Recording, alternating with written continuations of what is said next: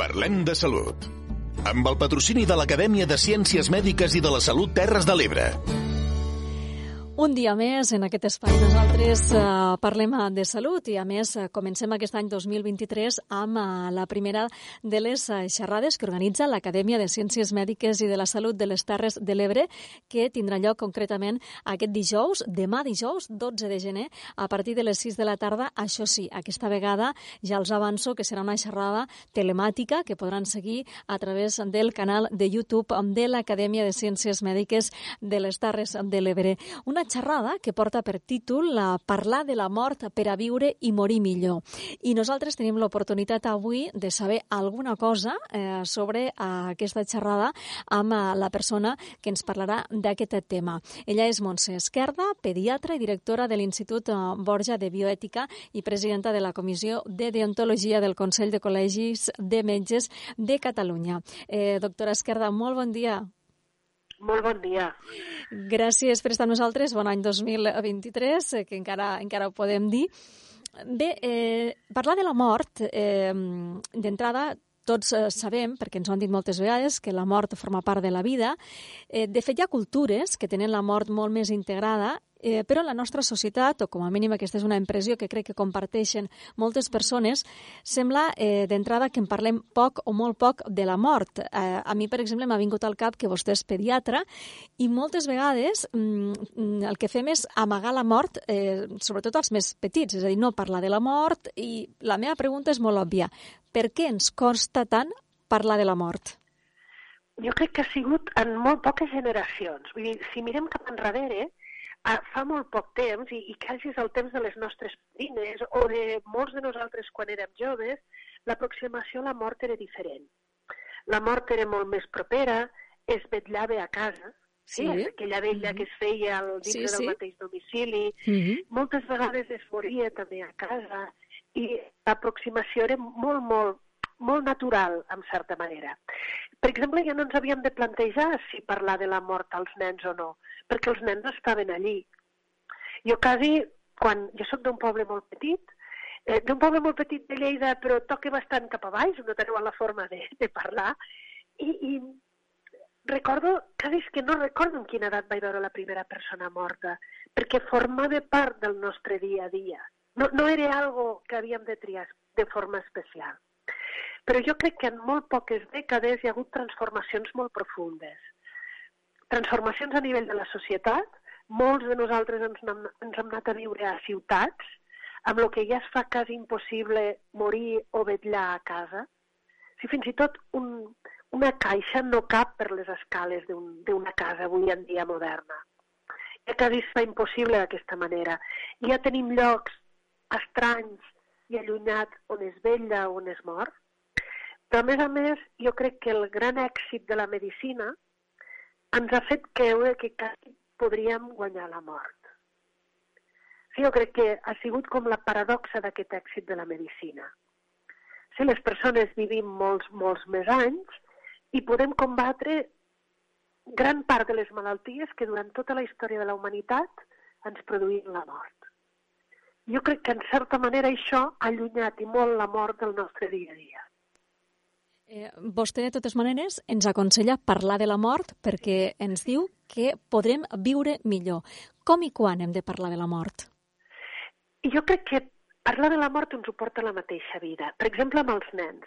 Des de ben petits ens trobarem un, un pardalet mort al carrer i serà un moment de parlar de la mort. Ens trobarem potser un veí de l'escala o un tiet llunyà que s'ha posat malalt, anem-lo a veure o anem a la seva vella la mateixa vida ens porta a parlar-ne, però quan arriba ho intentem evitar. I intentem fugir i mirar cap a un altre lloc. I això no ajuda, primera, a ser més conscients de que el temps que vivim, la vida que vivim, és un regal. Fixa't en una paraula, present té dues accepcions. El present és l'ara, el temps present, però el present també és un regal. Donant algun present és donar un regal. El present és un regal.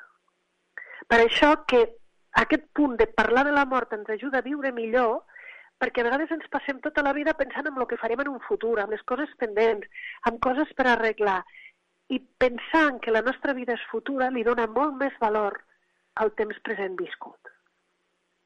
Eh, tornant, per exemple, al tema dels nens, una qüestió que jo crec que moltes persones s'han plantejat, no? Eh, no? No vull posar cap cas extrem ni tampoc dramàtic, però per llei de vida anem a suposar que es mor eh, eh un avi a casa, o un iaio o una iaia, eh, insisteixo per llei de vida, no? Hi ha una tendència de vegades a que els més petits no participin, no, mm, no, no vagin fins i tot al comiat, eh, ja sigui civil a un tanatori, ja sigui religiós a una església. La cerimònia que sigui, sí. I vostè, cre... Mm, no sé si hi ha alguna edat o creu que és, que és bo que hi vagin? És com forma part de la mateixa vida i per això ho comento, és millor si aquest aprenentatge l'anem rebent quan no té tant impacte emocional i ha mort algú estimat. És a dir, que, per exemple, això, eh? ha mort veí de l'escala, que quasi no coneixíem, però els grans acostumem a anar al tanatori, doncs portem els nens, perquè, perquè és un aprenentatge de la vida. Sí, recordo, per exemple, la meva filla, ara té 18 anys, eh, i no, no vol mai que parli amb ella, però em serveix. Quan, recordo, vaig escriure un llibre anterior que era El nen i la mort, de com parlar la mort als nens, i això ho aplicàvem a casa. I ella era molt petiteta, amb 3 anys o així, vam anar al tanatori, i ella directament va anar cap a la part de dins, eh? vull dir, la part on hi ha la caixa, hi ha la persona. I hi havia unes senyores que es van escandalitzar. I quan va sortir van dir, però nena, què has vist? I ella va dir, pues té color de mort. Aquest aprenentatge, jo sé que és una tonteria, però saber que les persones quan moren tenen diferent color, tenen diferent tacte, han deixat de respirar, ja no pateixen. És un aprenentatge que l'incorporem des de ben petits a la vida. No l'incorporem de forma traumàtica quan mor pot ser el pare, un germà o quan mor el padrí. Sí? Vull dir, moltes vegades quan ha mort el padrí ja és tard. L'hem d'haver incorporat abans. Aquesta aproximació. Sabrem que moltes vegades les persones en un tanatori o en una vella ploren i estan tristes, i això haurem parlat. Sabrem com és un ritual de comiat, que perquè estimàvem aquella persona i ens importa, li fem una cerimònia i li diem adeu. Però normalment això els nens ho aprenen en el moment que mor algú molt proper i estimat. Eh, amb eh, la seva experiència professional, suposo que ha viscut eh, situacions relacionades amb la mort que l'han portat a reflexionar i a donar-nos eh, aquests, aquests consells per aprofitar també la nostra vida o per afrontar-nos, com dèiem, en aquest present que moltes vegades queda ofegat pel dia a dia. Eh, ha estat aquesta experiència professional la que l'ha portat precisament a arribar a aquestes conclusions? Jo sóc pediatra i part dels nens que visito són nens en dol dol complex o traumàtic.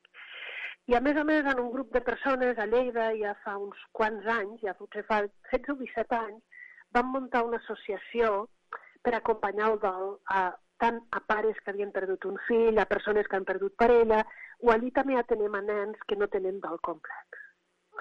I moltes vegades amb les persones, sobretot de l'associació, hi ha voluntaris, hi ha aquesta experiència d'acompanyar el dol, realment ja ho sé que, que a vegades és dur de dir, eh, i no ho podem, però realment ens ajuda a viure millor.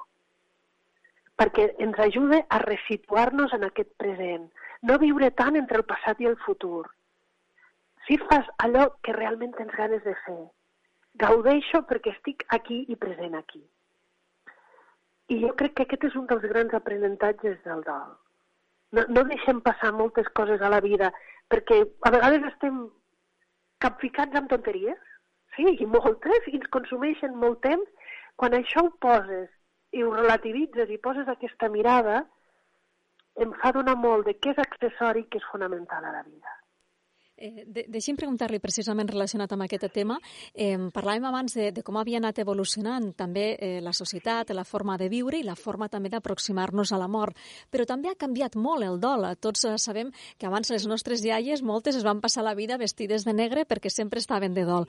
Eh, no sé si eh, ens pot dir eh, com hauríem d'afrontar avui dia el dol? Eh, si tan ràpid com de vegades sembla que aquí no ha passat res? És molt personal?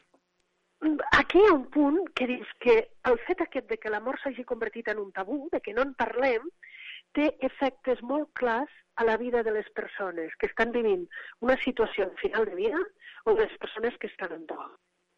Perquè l'amor s'ha convertit en absent i les persones, en certa manera, es troben molt més soles, molt més perdudes, les persones en dol, i molt més amb la sensació de m'estic tornant boig. Aquesta sensació, per què? Perquè com que el dol no es manifesta, l'hem de viure com tancats a casa i molt aviat ja hem d'estar bé, aquesta sensació de que tot hem d'estar bé aviat, i el dol és un procés molt llarg. Jo crec que ha anat molt bé que figures públiques visualitzessin el dol. A vegades quan penso l'Anna García Obregón, que ja fa, crec que ja són un parell d'anys que ha mort el seu fill i segueix en dol, i ho verbalitza, està fent un gran favor, perquè està mostrant que el dol és un procés molt llarg. I el poder, precisament, mostrar com et sents és part del procés de guarició. I el que ens trobem ara és precisament això, eh? les persones amb dol es troben menys reconegudes, de dir, això que m'està passant a mi, soc raro, o soc diferent, o soc molt més sols i molt més aïllats.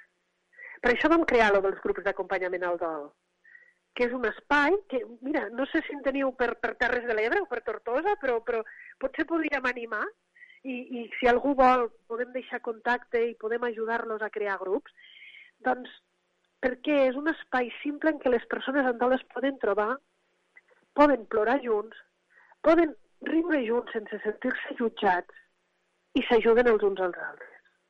Eh, doctora, deixem dir dues coses. Eh, recordar el, a les persones eh, que ens estan escoltant que mm, demà, a partir de les 6 de la tarda, a través del canal de YouTube de l'Acadèmia de Ciències Mèdiques eh, i la Salut a les Terres de l'Ebre podran seguir la seva xerrada telemàtica eh, i eh, també, evidentment, plantejar els seus dubtes sobre un tema que, evidentment, eh, genera moltes, eh, moltes preguntes i que avui, en el temps que tenim a la ràdio, no, no, no podem respondre, no?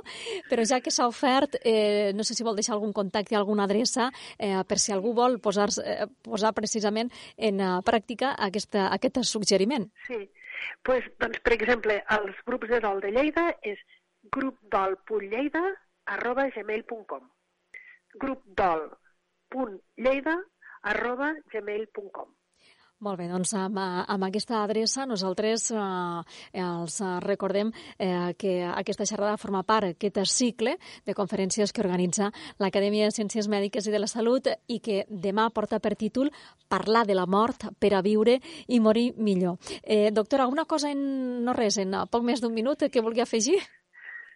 Sí, no, doncs animar-los a escoltar, parlarem de tot això i més, i si hi ha gent que té dubtes o comentaris, es, estarà obert per a poder respondre-hi. Moltíssimes gràcies, en aquest cas, a Montse Esquerda. Ella és pediatra, directora de l'Institut Borja de Bioètica i presidenta de la Comissió de Dentologia del Consell de Col·legis de Metges de Catalunya i avui ens ha avançat alguns dels temes que demà tractarà en aquesta xerrada sobre la mort. Moltíssimes gràcies i fins, fins la pròxima. A vosaltres. Espai ofert per l'Acadèmia en Ciències Mèdiques i de la Salut Terres de l'Ebre.